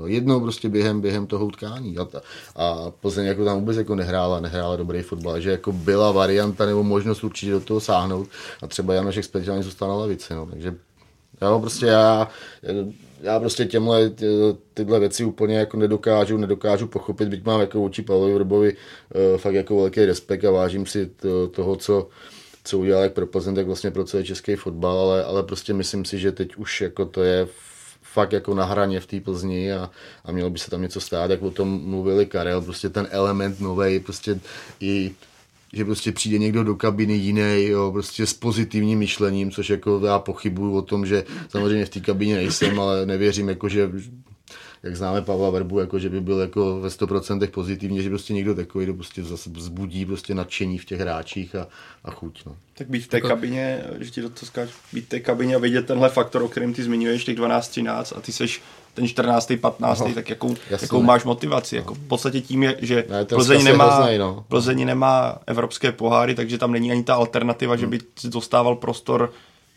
v jistých zápasech. Prostě vidíš, že trenér se snaží lepit tu situaci koňma, kterým důvěřuje naprosto a nechce si mu do toho sahat. A já si myslím, že tohle musí být jako strašně demotivující, a zejména pro tu mladou generaci, která zejména teďka, když se na to podíváme, zmínil z tyhle tři jména, Herc pro mě je strašná neznámá, mm, jo, takže, mm. ale Janoše, když jsme viděli ty zápasy, kdy naskočil a když naskakuje za 21, tak on potenciál má velice solidní, řekl bych, že Plzeň na něm v budoucnu může v klidu stát a pokud takové hráče víceméně odstavíte, tak to není dobře ani pro ten klub samotný, protože vy potřebujete tu generaci do toho implementovat a to se teďka neděje.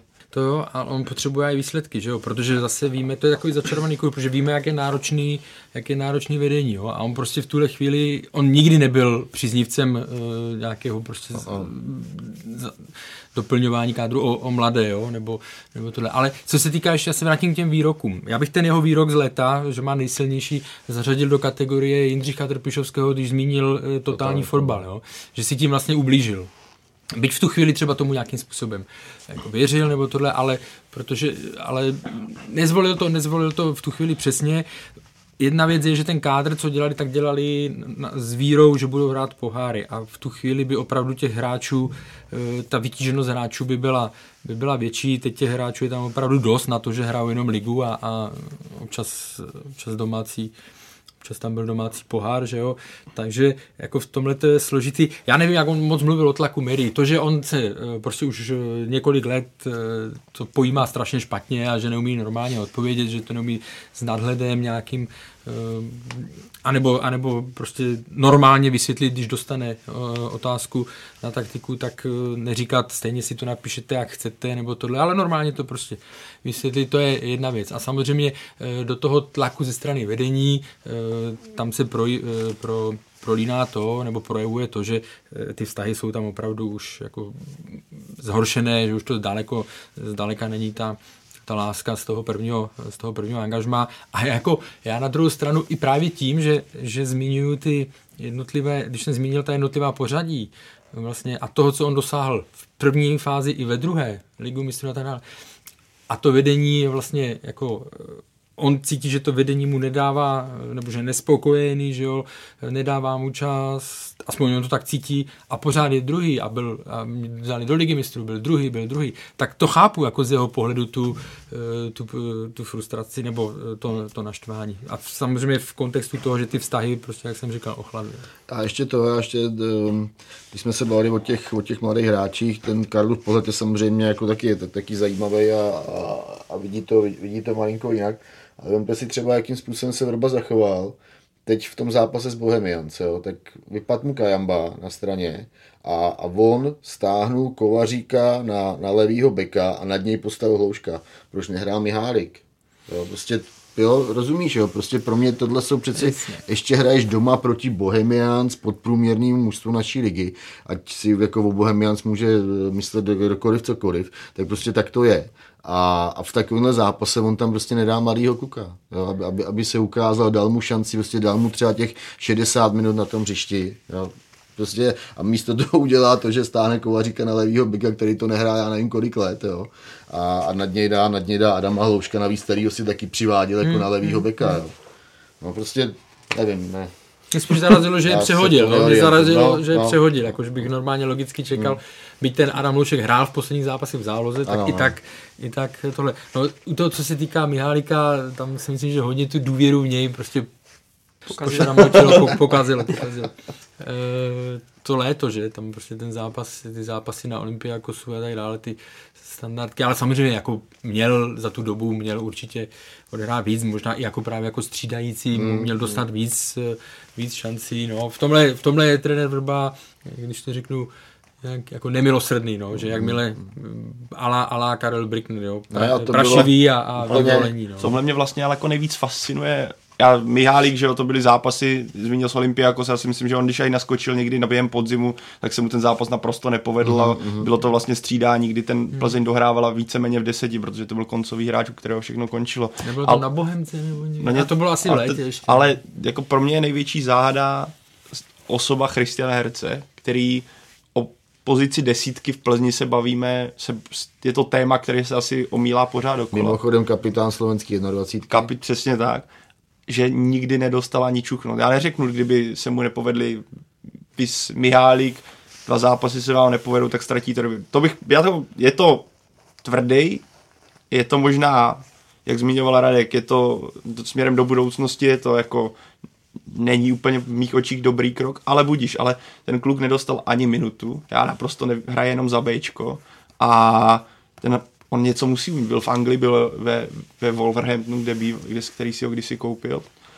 Jak zmínil Radek, je to kapitán slovenské 21 a já, já nevím, co se tam stalo, ale připomíná mi to situaci, ale Jablonec, kdy přišel Fabry do Jablonce a Petr Rada mu taky nedal absolutně žádnou, jako nedal vůbec čuchnout, přitom to má být velký talent slovenský, nebo talent slovenského fotbalu. Pro mě jako postava Christiana Herce, já jsem o něj čekal teda mnohem víc, respektive čekal jsem, že ho aspoň uvidím a zatím se mi to nepodařilo. Pokuta za remízu s Karvinou byla 2 miliony, dobrý krok, nebo ti ta suma Radku přijde příliš velká? Může tohle, tenhle postih něco zlepšit? No, tak je, je, takhle já jako obecně moc příznivec teda finančních trestů nejsem, ale když to tak Plzni cítili, tak, eh, tak možná takové jako vzkaz do té kabiny, že jako vážně eh, máme velký výhrady Eh, vašemu fotbalovému přednesu o víkendu, tak, eh, tak to jako dovedu pochopit. Každopádně jako to vůbec jako nic nemůže, jako to může být nějaký impuls opravdu v tom úplně nejkratším časovém horizontu, já nevím, jeden prostě zápas, že prostě ty hráči to trošku zpamatujou, ale, ale jako tyhle tresty vůbec, vůbec nemá nějakou dlouhodobější, dlouhodobější hmm. účinek, to prostě to, to musí vycházet od trenéra z toho týmu a že ti hrá lepší fotbal. A naopak já tomu absolutně nerozumím, no. jako, protože zase se, zase se vrátím vrátím k tomu. Druhý tým, druhý tým tabulku nehraje podle očekávání, ale jako nevím, jakým způsobem, co pozitivního, jako vím, že prostě známe eh, Adolfa Šátka, jo, prostě jeho metoda uh, bitch, bitch, bitch a, a když jsou prémie jako po mistru, tak trošku cukru, ale jinak uh, prostě tohle, že ale z mého pohledu tohle je, tohle je jako nepochopitelný, nevím, prostě jestli si myslíš, že je nějakým způsobem vybudí ta kabina, jestli už je na ní, nebo jestli už ty hráči jsou takový ty otupěli, jak jsme říkali, ty vztahy, tak jako je to teď je to neprobudí, nebo je to probudí na týden. Já bych dokonce řekl, je to možná... Ale nebo je to spíš naštve. naštve že jo, pokud protože... víš, že nedostaneš hmm. šanci od vrby, v podstatě jsi tím 14. hráčem, který to neovlivní a najednou dostaneš ještě jako flastera 100 tisíc, jako hmm. já bych, co, to nemáš vůbec motivaci, to toho trenéra snad jako naopak tě to nutí v tom, abys takzvaně se pokusil toho trenéra poslat pryč, protože jako výkony nebo atmosféru v kabině, protože jako dva miliony za, za remízu v Karviné, ale nevím, co, jaký byl výsledek Plzně před tou Karvinou, oni tam měli po nějaký výhře? Uh, no, porazili Liberec 4-1 v tom zápase, kde úřadoval Zbíněk prostě. Jo, ale faktem je, že jako nepřijel po sérii třeba tří remíz, hmm. kde bys jako řekl, OK, Prostě ale za jednu plichtu, jako ten zápas byl strašný teda, jako takhle, ale... No, oni ale... tam měli ale období, já nevím, to bylo ze šesti zápasů čtyři ztráty, tuším. Navíc tam byl zápas Chlumci, že jo, který mm. otáčeli tak tak, jo. Prostě ne, to už zase jako, zase prostě to je ten jako úpadek takový. A jako přesně směrem na venek to není dobrý signál, hmm. jo, jako, tak tím dáváte přesně, je to tam, je to tam eh, rozštělování, rozhádaný, nebo co, proč dávám týmu, který sice nehraje tak, jak má, ale je druhý s přehledem, tak proč mu dávám, proč tam dávám takový flaster? A celkem mě zajímal jako názor fotbalistů na to, na to jako téma pokuty, uh, jestli někdy jako pokuta něco znamenala pro pozitivního pro tu kabinu, jako celkem mě to skutečně zajímalo v tomhle jako nějaký názor, protože nevím co, no. Pavel tady zmínil, že tedy osud eh, Pavla Vrby eh, je podle něj spíš otázkou tedy eh, kdy, spíš než jestli, tak Radku vidíš to tak, že by Pavel Vrba skončil už v zimě ve Štruncových sadech? A, no je, je, to jako poměrně, poměrně jako složitá věc, bych řekl, protože za prvý Plzeň by musela Pavlu Vrbovi platit nemalou, nemalou částku. Eh, jde taky o to, že jakož není určitě tajemstvím, že se Plzeň zajímá o Adriana Gulu a, a Šárek to má vymyšlený, takže že by eh, měl být právě náhradou za Pavla Vrbu, tak taky by tam muselo být taky nějaký kompenzaci s eh, slovenským svazem fotbalovým. A takže je to, je to otázka, e, nicméně já si myslím, e, ještě teda jsou před náma dva zápasy, které třeba to můžou nějakým způsobem trošku změnit, a, ale nicméně si myslím, že že dojde k takovému jako rozvodu z rozumu. No, si myslím teď už, teď už zimě, ale, ale jako samozřejmě stát se to nemusí, ale, ale spíš jako co máme takové indicie, tak, tak si myslím, že to k tomu směřuje a, a i se jako proslýchá, že Pavel Bra už si schání angažmá někde, hmm. někde jinde a, a takže říkám, no, očekávám rozvod z rozumu. To tak jako tou, tou ránou na to stehnou dělal jako u soudu. a jste volní. Je v současnosti eh, možné vydržet na lavičce takovou dobu jako třeba Alex Ferguson u Manchester United, Karle? A proč v Česku žádný takhle dlouhodobý trenér není? Tak Není, ono to je v podstatě i celo, že jo, tohle byly tak výjimečný unikáty, eh, jako byl Wenger, jako byl Ferguson, už to ani, ani v Evropě moc to není vidět. Jako Pavel Vrba na české poměry v tom prvním angažmá, že jo, tak tam udělal rekordy v počtu trénování zápasů v řadě v jednom klubu. teď, je tam, teď je tam třetí, třetí sezónu, takže Eh, jako u něj zrovna to je, řekněme, jakási, jakási dlou, eh, nebo je schopný trénovat někde, někde díl, ale nevěřím tomu, že by někde, uvidíme jak dlouho, samozřejmě Jindřich Trpišovský vydrží, eh, vydrží ve Slávii, bude čistě záležet na něm, si myslím, pokud, jestli přijdou nějaké nabídky, jestli se rozhodne jít nebo, nebo ne a tak dále, ale prostě obecně ta dlouhověkost se snižuje všude, nebo ne všude, ale jako ten trend je, tak ty tři, čtyři roky jako u těch úspěšných, jo, i, nebo možná o chlopek víc, ale i, i Klopp řekne, že chce trénovat eh, Liverpool do 2023, nebo do kolika to říkal, protože pak bude eh, už jako vyšťavený a tak dále, takže při těch nárocích, jaký jsou, při tom tlaku, který je, tak eh, samozřejmě ta dlouhověkost trenérů, myslím tím v rámci jednoho angažma se, se snižuje, nebo je extrémní. Bylo by extrémní, kdyby někdo někde vydržel 10 let. A tím, jak ještě ve fotbale víc peněz, tak ta hmm. trpělivost taky rapidně no, klesla proti tomu, co bývalo dřív. Já si obecně myslím, že to, že, že čeští majitelé uh, těch klubů, tak většinou prostě berou ty trenéry jako ani s výhledem prostě třeba na rok, jo, aby si nějak udělal dobrou sezónu, ale, ale nikdo prostě nebere toho hráče, je to prostě o tom myšlení, jo, že nikdo prostě, nebo hráče, že nebere toho trenéra třeba, hele, já ti tady dám pět let prostě a, a něco mě s tím týmem proveď a chci prostě vidět tvoji práci, stoprocentně ti věřím, prostě budu za tebou stát a, a a chci prostě od tebe tohle, tohle, tohle. A to si myslím, že se, že se jako u nás prostě děje, děje hrozně málo. No. Jako trenéři u nás jsou s dvouměsíční výpovědní lůtou.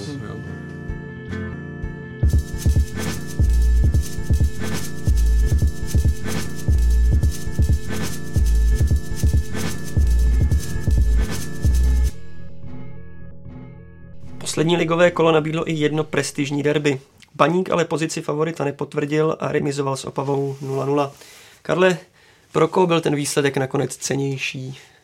No tak eh, samozřejmě z pohledu jenom čistě e, tabulky a toho, že se hrálo, ven, že se hrálo v Ostravě, tak pro Opavu, byť víme, že ten průběh, e, že ten průběh, kdy hrála celý druhý poločas, celý druhý poločas přesilovku, tak by to asi svádělo k tomu, že měla, že měla chtít, že měla vyhrát nebo tohle, ale zároveň bylo v závěru vidět, že Opava se za, za tím vítězným gólem nějak, nějak nehnala. Jo? A celkově i ten zápas, zatímco první poločas byla lepší, když hrála když hrála uh, proti 11, uh, eh, napadala Baník, chodila uh, do otevřenější tohle, tak po tom vyloučení se Baník logicky stáhnul, zavřela Opava, už tam nebyla schopná, jako ještě bez Pavla zavadila, tak tam nebyla schopná najít, najít cestu jako skrz, takže paradoxně druhý poločas buď to, to lze nazvat vyrovnaným, nebo že prostě Baník byl, jako měl ten zápas nebo ten bod, který v tu chvíli hlídal, tak měl víceméně pod kontrolou bylo kouz, kouzelný, že Opava se dostala do situace, v které vůbec asi nepočítala, že kdy může být, že by měla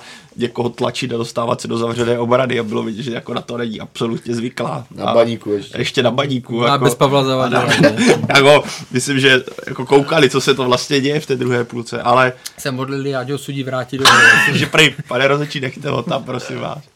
Ale co, co se týče Opava, jako Opava dala, nedala několik velkých šancí, takže ono to dokonce mohlo dopadnout i pro výhru Slzanu Baník taky měl, ale jako pro mě bylo zase zarážející a já se budu opakovat jako už po několikátý, ale jste Baník, Ostrava, jste pátý, šestý tým tabulky, hrajete proti Opavě, rivalovi, který je v krizi, chybí mu Pavel Zavadil, ten tým tam nemá nikoho extra silného a váš styl hry je třikrát si přihrát vzadu a kopnout to na smolu a uvidíme, co se bude dít, jakákoliv rezignace na mezihru, na nějakou rychlou kombinaci, na něco inovativního, jako baník je dva roky pořád to samé dokola, ať hraje kdekoliv, kdykoliv, s kýmkoliv, baník je pořád to samé dokola. A jako omlouvám se, ale jako hrát proti poslednímu týmu jako na nákopy, kdy máte skutečně a máte kvalitu, máte dostatečně zkušený tým na to, máte dostatečně kvalitní tým na to, abyste zhráli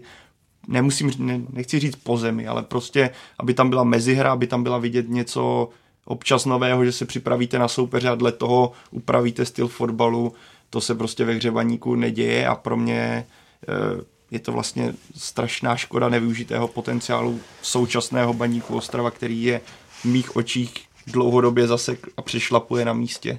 To, že tam, kde je, je samozřejmě pro fanoušky si myslím, že pozitivní zprávou s ohledem na to, jak to vypadalo pár let zpátky. Na druhou stranu si myslím, že současná situace baníku už vybízí k tomu, aby ten tým šel výš, ne zůstával tam nebo zůstával na tom místě, kde je teď. Takže 27 bodů v současnosti je podle tebe u baníku no, málo. Chtělo by tak to myslím, že by to chtěl, ale primárně, když se hlavní problém já vidím v tom, kolik baní dělá venku bodů, to je nějakých sedm bodů, co udělal. Podle mě venkovní zápasy baníku naprosto odhalují současnou formu a pohodu a vlastně to, jak je ten nastavený, jak, je, jak jsou ostravští nastavení. To, když baník, když přijede ven, tak je to poloviční tým, který není schopný svého soupeře přehrát, spočívá to v podstatě na systému nějaké náhody, nákopu, pro mě jako v tomhle baník jako velké zklamání a my prostě, už to zopakuju po, něka, po několikáté, ale pro mě prostě Bohumil Páník, ač k němu jako má můj veškerý respekt za to, co v kariéře dosáhl, tak si myslím, že prostě baník pod jeho vedením dlouhodobě stagnuje a on ten tým nikam neposouvá.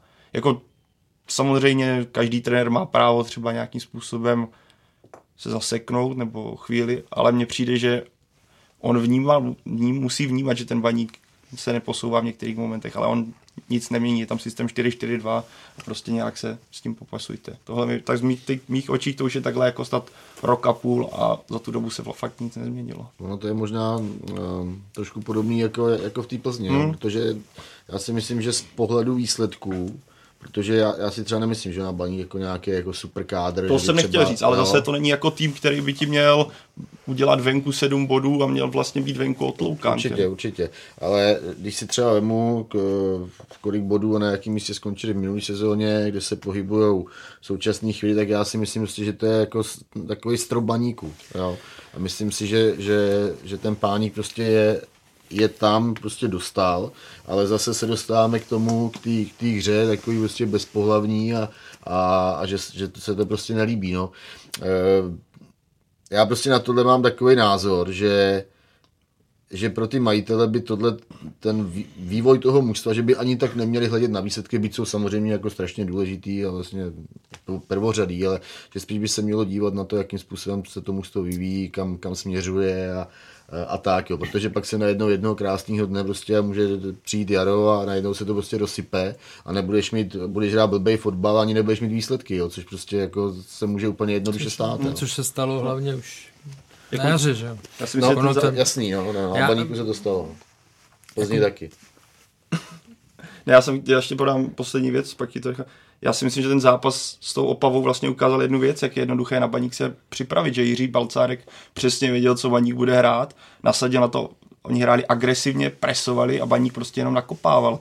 A naopak zatím, co mě přijde, že trenér Páník nějakým způsobem vůbec nesledoval to, jak Opava, nereagoval na to, jak Opava bude nastavená, jak bude hrát.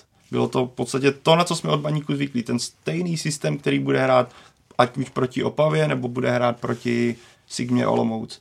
A naopak v případě hostů jsme viděli, že nějaká snaha a o to eliminovat ten systém baníku, který podle mě do té, eh, do toho, do té doby, dokud nepřišla ta červená karta, fungoval skvěle. Eh, rezultovaly z toho tři tutovky, který ale uh, útok Opavy nevyřešil.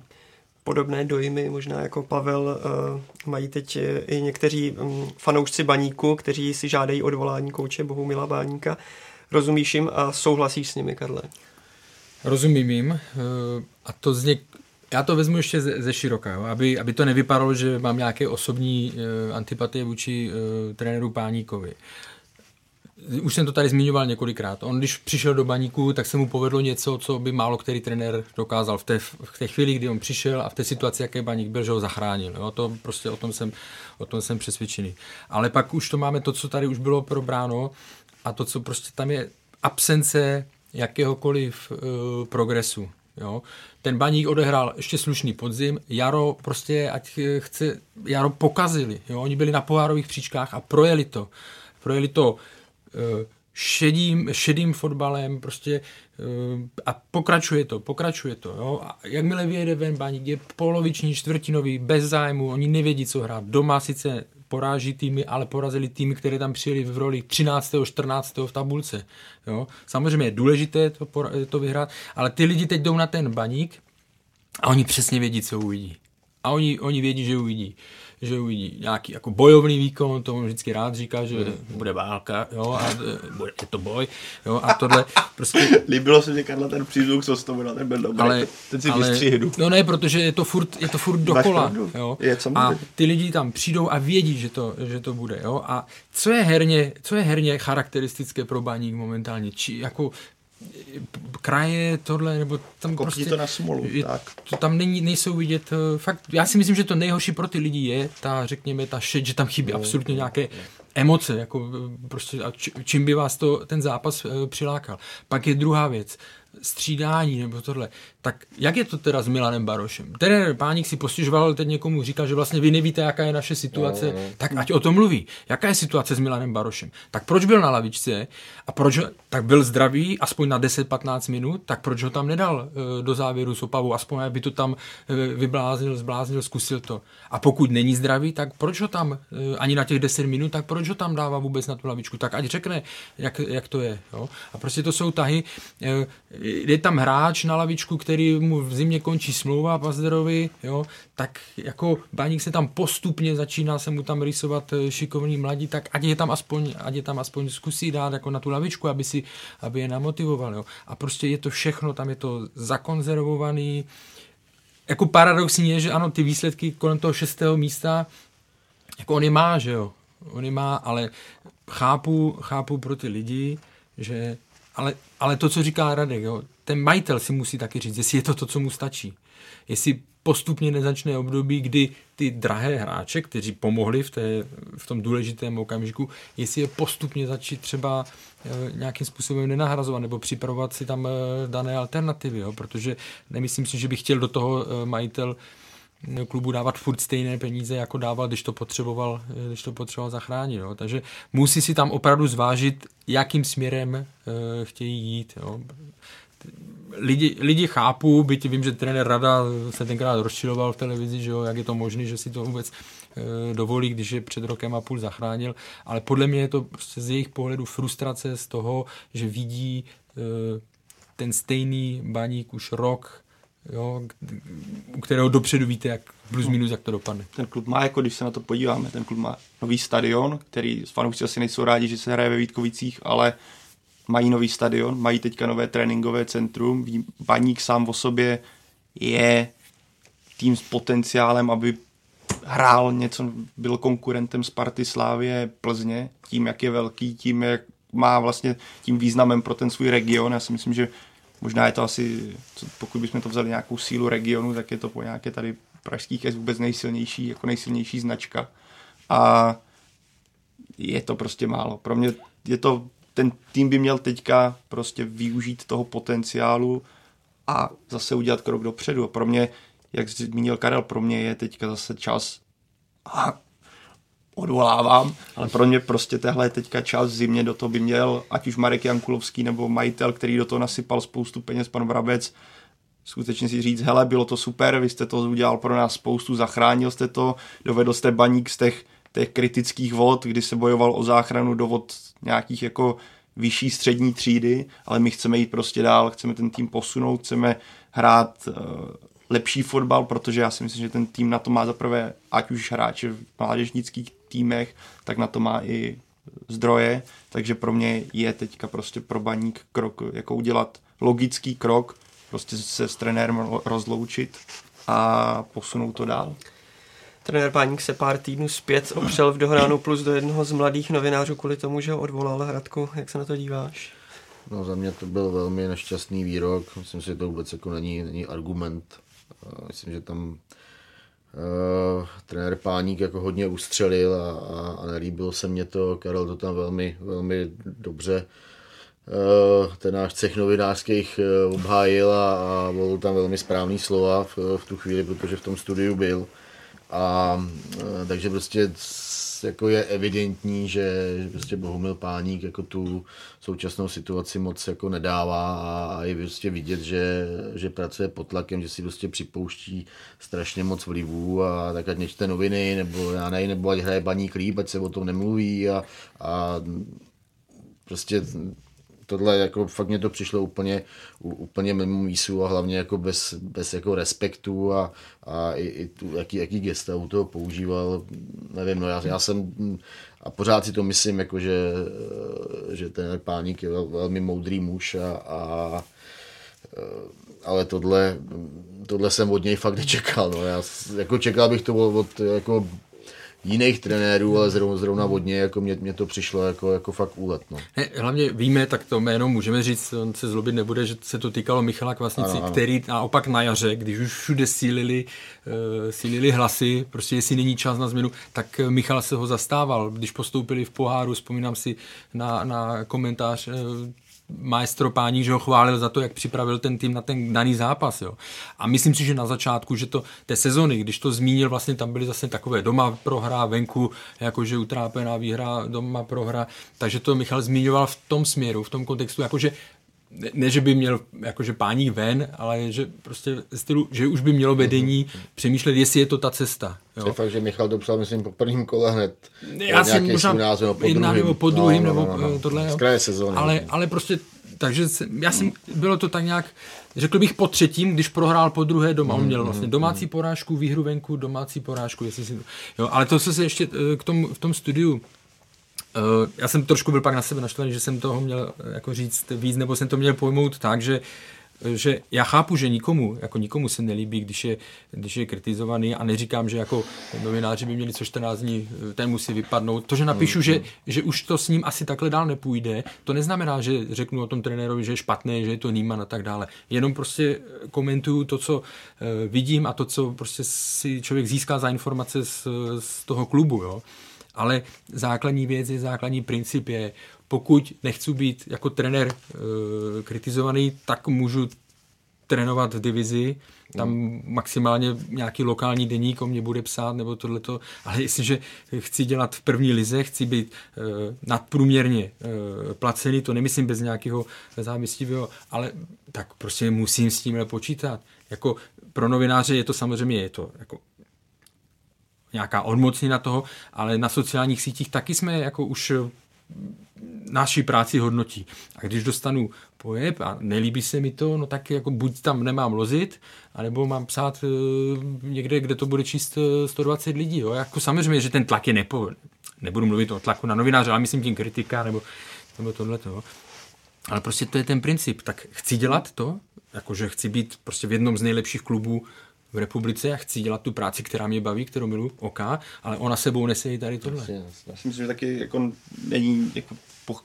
Bo nemyslím si, že třeba novináři jako jsou nadšení, že budou, potom, budou psát, že si na tom jako v podstatě tak jako vylijou ego a řeknou si, jo, tomu to nandám. Já si naopak myslím, že mnohem líp se píše jako pozitivní věci, než jako negativní. No, tak jasně, že jo. Právě. Že... Takže jako to, mně to přišlo až úsměvný. Vlastně, když si vzpomenu, Michal ještě před nějakým tím zápasem i na podzim snad psal o tom, že Baník je teďka ideálně připravený na, na bylo to podle mě před Spartou nebo před někým nějakým velkým týmem, že vlastně ideální čas, že by mohl vyhrát, ale No, já si Michal myslím... rozhodně není jako redaktor, tak. který by šel e, trenéru Páníkovi jak dlouhodobě mm, po krku, po krku no. jo, jako aby měl z něho dojem takový, že po něm jde a pak si otevřeně takhle stěžoval.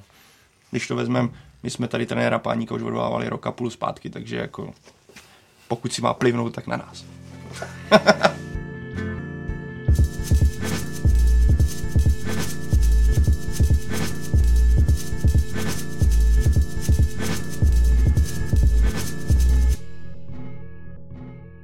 Na závěr se ještě přesuňme do Olomouce, jak tematicky, tak i zvukem. V Sigmě nastal spor mezi koučem Radoslavem Látalem a Václavem Pilařem, který byl vyřazen z kádru. Více podrobností nám po telefonu poví Jan Dočkal z Mladé fronty dnes. Václav Pilař dlouho pravidelně nastupoval. Honzo, našel bys moment, kdy se jeho vztah s trenérem Látalem začal kazit, respektive pokazil?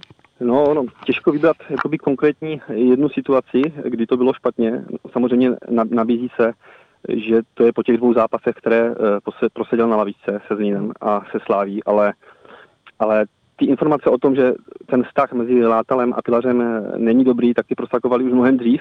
Jo, nechci říct, že to bylo prakticky od přípravy, ale velmi záhy od začátku sezóny, takže eh, osobní rovina jde vidět, že si prostě, prostě nesedli a, a prostě to se stává. No. Neviděl bych tomu se takovou aféru, ale to, jak to teďka pokračuje, to už samozřejmě je hodně nešťastný pro, pro všechny strany. A není to podle tebe pro Sigmu škoda, že přijde o takového hráče?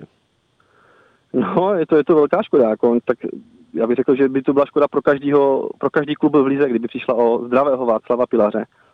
A teď se můžeme bavit, jestli Václav Pilař je zdravý natolik, aby odehrál většinu zápasů. Je to trošku paradoxní, protože loni zdaleka nebyl v tak dobré eh, zdravotní kondici, měl tam častější výpadky, ale Sigma mu uspůsobovala tréninkové plány, jo, dělala pro něho opravdu, řekl bych, první, poslední, vyšla mu hodně vstříc, trenér Jílek mu dělal, dával úlevy v trénincích. A teďka, když už je Pilas, řekl bych, opravdu on se sám osobně cítí nejlépe za poslední roky, tak o něho přijde, no, to je, to je, to je prostě špatně a velká škoda. I když eh, musím taky říct, že ta jeho forma teďka na podzim, když hrával uh, z začátku dobrý, potom to šlo, potom to šlo dolů. No. Nebylo to bůh jaký, měl tam jednu krásnou asistenci v Liberci, gol proti Jablonci už jako střídající hráč. Čekalo se od něho taky víc, to je potřeba říct. Překvapilo tě hodně otevřené hm, Pilařovo vyjádření s kritikou na Radoslava Látela a i ta reakce Sigmy? Uh, já jsem rozhodl, že před chvíličkou jsem seděl v zubařském křesle a myslím si, že jsem se cítil komfortněji, než když Radoslav Látal četl Deník Sport s tím rozhovorem s Václavem Pilařem. No, bylo to překvapení pro mě, pro Sigmu, pro fanoušky hodně nemilý. I když samozřejmě Sigma věděla, že, že je Václav Pilař nespokojený, on už, co mám zprávy, pár týdnů zpátky šel žádat o tom osvolení k odchodu. Tak tenhle rozhovor, tohle, tohleto pálení mostu, bych řekl, opravdu překvapení bylo. A musím říct, že mě jako sportovního novináře z Olomouce i zklamalo, protože od Václava Pilaře profíka z Bundesligy, ze zkušenosti z Bundesligy, bych tohle nečekal.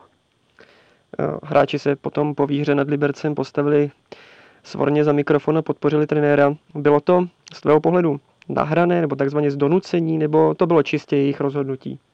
No, to je otázka. Jako, to je taková dojmologie. Já můžu říct, můžu říct můj dojem, když jsem tam byl, jak to na mě celý působilo, tak, tak Vít Beneš uh, mluvil rozhodně, mluvil z patra a řekl bych, jako, že přesvědčivě ale ha, opravdu nevím, no, jako tak, takový jednotný sbor, je to přijde jako spíš takový takový stranický příkaz trošičku. Těžko tomu jakoby nepůsobil to na mě úplně, úplně věrohodně. Myslím si, že mnohem lepší by bylo, kdyby eh, po zápase mluvil vlastně zkušený Michal Vepře, kdyby tam prostě novinářům řekl, co tohle říct za kabinu, nepůsobilo by to tak jako by komediálně až, no. Jako, že myslím, že tohle je jako světový unikát, že takhle hráči přišli na tiskovku postavit se to trenéra, ale pokud to opravdu zešlo z kabiny, tak je to strašně, jako bych řekl, milý gesto, no, jenom se tomu špatně asi věří v téhle době. Jaká je teď vůbec atmosféra v kabině Sigmy? Naráží mi na kritiku ze strany brankáře Miloše Buchty, který byl mm-hmm. taky poměrně kritický po té, co nebyl v nominaci na utkání. Když se bavím s hráči, tak uh, říkají, že, že semknutá. Jo. Samozřejmě, když se bavím třeba o, o rekord, tak já tam slyším ještě připomínky na to, že ne každému uh, voní ten jednodušší styl hry Radoslava Látala, že by zvykl na něco jiného, ale ale pravda leží na hřišti a když se podíváme na ty poslední dva zápasy eh, s Libercem a se Sláví, tak já jsem si opravdu nevšiml, že by tam něco vypustili. Oni opravdu jeli jak pili, jeli na maximum. Když to třeba herně nebylo úplně, úplně dobrý znovu, tak myslím si, že tam nějaká spoura, nějaký odstřední trenéra eh, se nechystá. Že to není opravdu tak vyhrocený, jak to může působit. Že ta kabina nepřijde mi jakoby nezdravá, nebo že by to byl hlavní problém s tím to rozhodně ne. Jak vidíš třeba re- respekt eh, k trenéru Látalovi, třeba i u zkušených hráčů a možná celé kabiny? Hmm.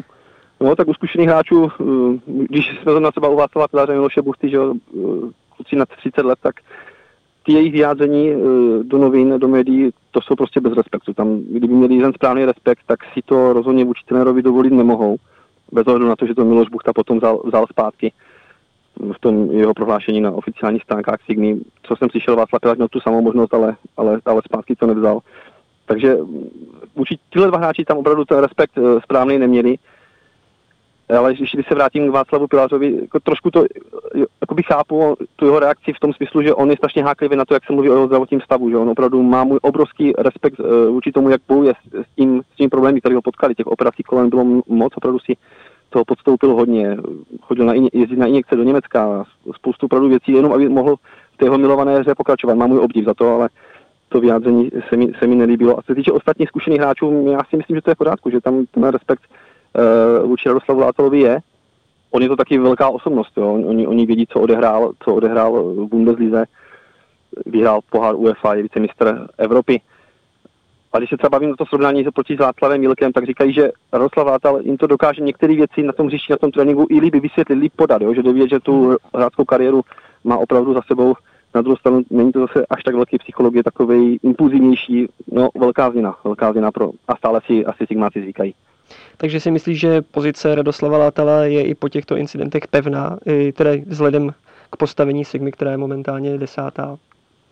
No, tak uh, víte, jak to, víš, víš, jak to je ve fotbale, tak uh, teďka, teďka pevná určitě bych řekl, že, že je, respektive, když by to zase zrovna s Václavem Milkem, tak tam skoro co dva měsíce z Androva stadionu se vypouští takový šumy, že to představenstvo bude řešit, jo, jak, jakou má pozici.